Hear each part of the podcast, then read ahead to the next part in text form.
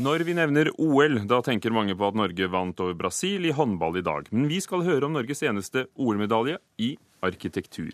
I første halvdel av 1900-tallet ble det avholdt OL-konkurranser i kunstneriske grener, og i 1920 tok arkitekten bak Universitetsbiblioteket og Vålerenga kirke i Oslo sølvmedaljen. Men etter det som skjedde for 20 år siden, angrer nå barnebarnet hans på at han i sin tid ga fra seg denne sølvmedaljen. Veldig leit. Eh, jeg var jo ikke den mest populære i familien etter det. For det er jo del av en litt unik arv. Det er jo den eneste olympiske medaljen Norge har fått i arkitektur. Midt i London står Amund Sinding Larsen og ser at de olympiske leker er annerledes nå enn før. Fra 1912 til 1948 ble det nemlig også arrangert OL-konkurranser i maleri, musikk, litteratur, skulptur og arkitektur. Og det er her bestefaren hans, Holger Sinding Larsen, kommer inn i bildet. Hans OL-bragd var jo å oppnå en sølvmedalje i Antwerpen-lekene i 1920 for en sportsidrettshøyskole på Tullinløkka i Oslo. Her er vi så heldige å ha byggekunsttidsskrifter fra 1920. Det var begynt å komme ut i 1919, så de kunne akkurat rapportere om denne store begivenheten og den store anledningen. Her står det jo om den sølvmedaljen, og det er jo en fantastisk ting, da. I biblioteket til Norske arkitekters landsforbund blar tidligere leder ved Arkitekturmuseet, Elisabeth Seip, gjennom en gammel sekssiders artikkel om bidraget som sikret Sinding Larsen sølvet. Sånn som Sinding Larsen skriver det, da, så virker det som han har oppdaget det nokså rett før, og hadde heldigvis arbeidet med idretts... Eller heldigvis for ham, da. Arbeidet med idrettsbygg i, i forkant, sånn at han i løpet av noen få uker tegnet ut sitt forslag og sendte det inn. Tegningene er gjengitt i detalj. Det er en stor bygning utført i, i kraftig hugget granitt og med symmetrisk opplagt. Man går inn i en stor, flott sal og hall, eller stiger oppover trapper som fordeler seg oppover. Og med rom med kupler over, og så går man vakkert ut til store idrettssaler på begge sider. Utenfor der igjen så er det to fløyer som strekker seg bakover, og som inneholder mange praktiske rom. Her skal være ikke bare garderober og slikt, men også legekontorer og bibliotek og rom for å lese og studere og slikt. Og så har den ene fløyen har et betydelig svømmebasseng på 10 ganger 25 meter. Skolen ble aldri bygget, men Sinding Larsen har likevel satt spor etter seg i hovedstaden. Flammene dansa i kvelden, lyset mot åsen bak Da Vålerenga kjerke. Fikk himmelen sjøl til tak.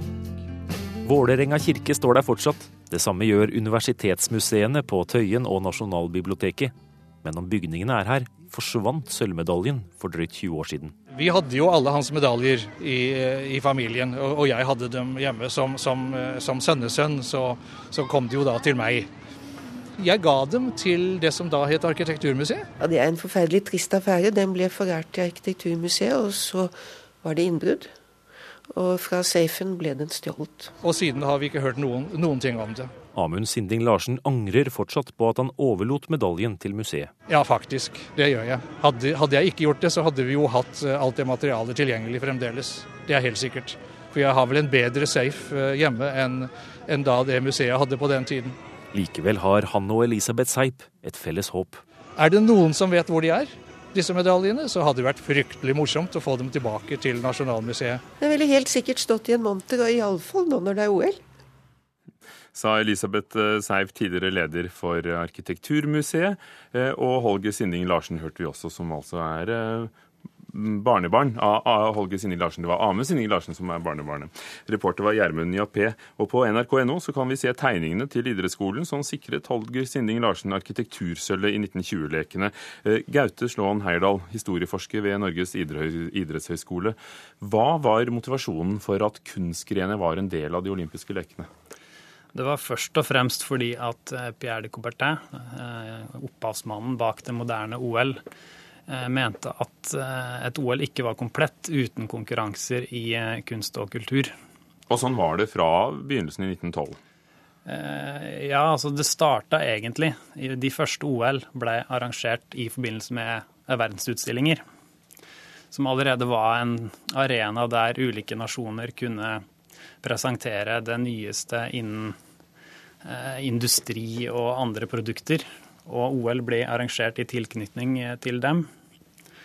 Og Coubertin mente jo også at OL var et fredsprosjekt, og at altså, han var inspirert av den greske antikken, naturlig nok. Der var OL en religiøs festival. Og han var også inspirert av den engelske eh, sporten, der det her amatøridealet dominerte. Og det her amatøridealet er vel kanskje det viktigste eh, begrepet eh, i internasjonal idrett helt fram til 1990-årene. Og vi snakker jo kanskje om amatører i dag som noe som ikke er så veldig bra. Men den opprinnelige eh, betydningen av amatørbegrepet er at det er noen som gjorde noe av lidenskap. Ut av lidenskap, ut fra kjærlighet til det. Elsker det. Eh, men eh, hvilke kunstgrener var det det ble konkurrert i til å begynne med? Det var først arkitektur og litteratur, maleri, musikk og skulptur.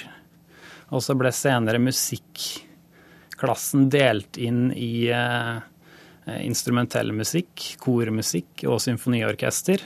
Eh, det samme skjedde med litteraturdelen, der eh, du fikk en egen litteraturklasse, en dramaklasse og en poesiklasse. Og fra 1928 så fikk du også OL-konkurranser i byplanlegging. Men alt skulle på en eller annen måte ha noe med idrett å gjøre? Ja, for konkurransene ble arrangert på forskjellige måter, alt etter hva arrangøren på eh, stedet eh, mente var best. Men eh, forutsetningen var at det skulle være relatert til idrett, og at det var et originalt produkt. Grunnleggeren av de olympiske lekene, de moderne olympiske lekene, altså Pierre Coubertin, har jo selv et OL-gull i litteratur under pseudonym. Det var vel kanskje ikke noe stor hemmelighet for seg at det var han som sto bak, men hva, hva skrev han om? Hva, hva gjorde han fortjent til dette? Det var en eh, ode til, eh, ode til Olympia.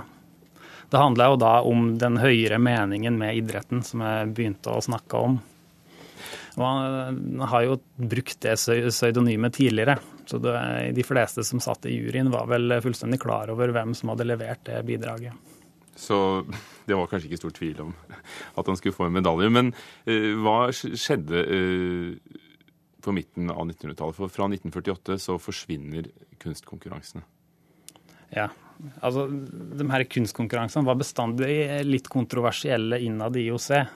For kunstnerne fikk anledning til å selge bidraget sitt eh, etter konkurransen.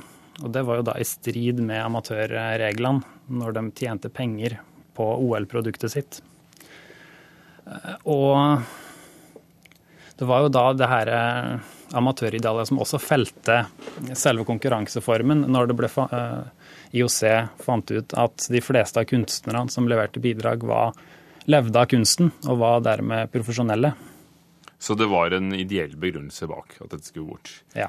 Um, medaljene fra kunstgrenene er ikke med i den offisielle statistikken til IOC. Har du noen forklaring på det? Ja, Det har skjedd flere ganger at IOC har gått inn i ettertid og fjerna øvelser fra programmet, eller satt dem på igjen seinere. I 1900 så ble det bl.a. arrangert OL-konkurranser i brannslokking, der tropper fra ulike nasjoner konkurrerte om å slokke branner. Og det er jo sånne ting som IOC også har fjerna fra programmet i ettertid. Dette begynte jo fordi vi snakker om eh, OL-sølvet som eh, Norge fikk i 1920 eh, i arkitektur. Holger Sinding Larsen som tegnet av bl.a. Universitetsbiblioteket i Oslo og Vålerenga kirke. Da var det ingen som fikk gull eller bronse. Hvordan kunne det ha seg? Hva skulle til for å få det, da? Så enkelt og greit som at juryen fant ut at det var ingen som var verdig et gull. Så det er jo mange sånne øvelser der det enten ble bare delt ut en bronse, eller bare en gullmedalje, eller Takk skal du ha, Gaute Slåen Heierdal, eh, som er stipendiat ved Idrettshøgskolen, og nettopp se på OL-historie, for at du kom hit til eh, Kulturnytt om Norges OL-sølv i arkitektur. Takk for det.